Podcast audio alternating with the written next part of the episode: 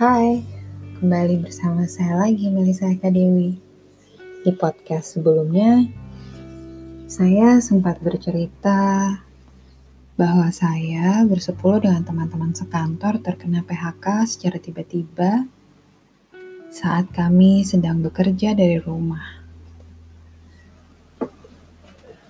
Kami bekerja dari rumah karena wabah corona ini. PHK dengan cara yang tidak sesuai dengan prosedur yang seharusnya dan dirasa kurang manusiawi. Lalu apa yang saya lakukan menghadapi hal seperti itu? Awalnya, saya juga sempat kesal. Bahkan beberapa teman yang senasib mengatakan, kita tuntut aja yuk, ini perusahaan.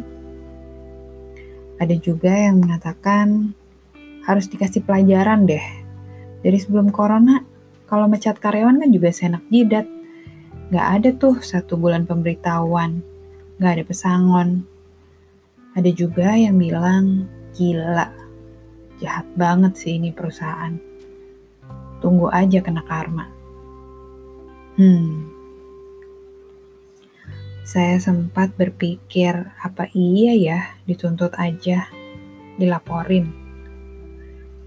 Tapi dipikir lagi, sepertinya nggak ada baiknya juga, nggak ada untungnya juga buat saya kalau mau nuntut-nuntut seperti itu.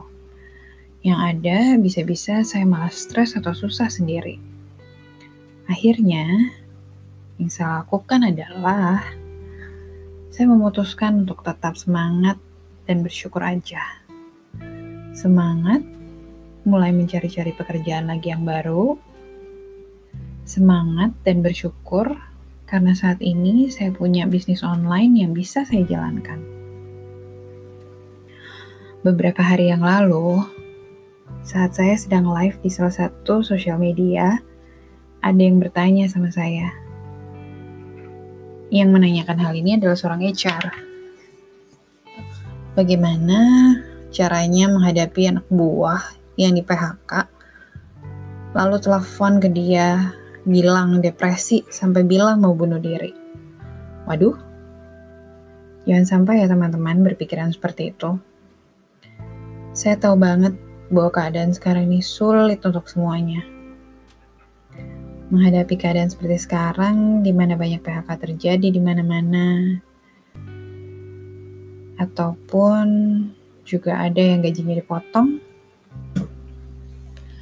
saya ingin memberikan semangat untuk teman-teman semua. Ayo, kita harus tetap bersyukur dan semangat. Tetap punya pikiran yang positif, tetap semangat untuk produktif, jaga kesehatan, dan harus tetap happy. Karena kalau kita stres, itu bisa berpengaruh juga loh ke imun tubuh kita. Kita harus belajar bersyukur untuk hal-hal yang masih kita punya saat ini. Masih diberikan kesehatan, setiap hari masih cukup makan. Gimana sama orang-orang di luar sana yang mungkin makan pun mereka sulit mikir besok mau makan apa.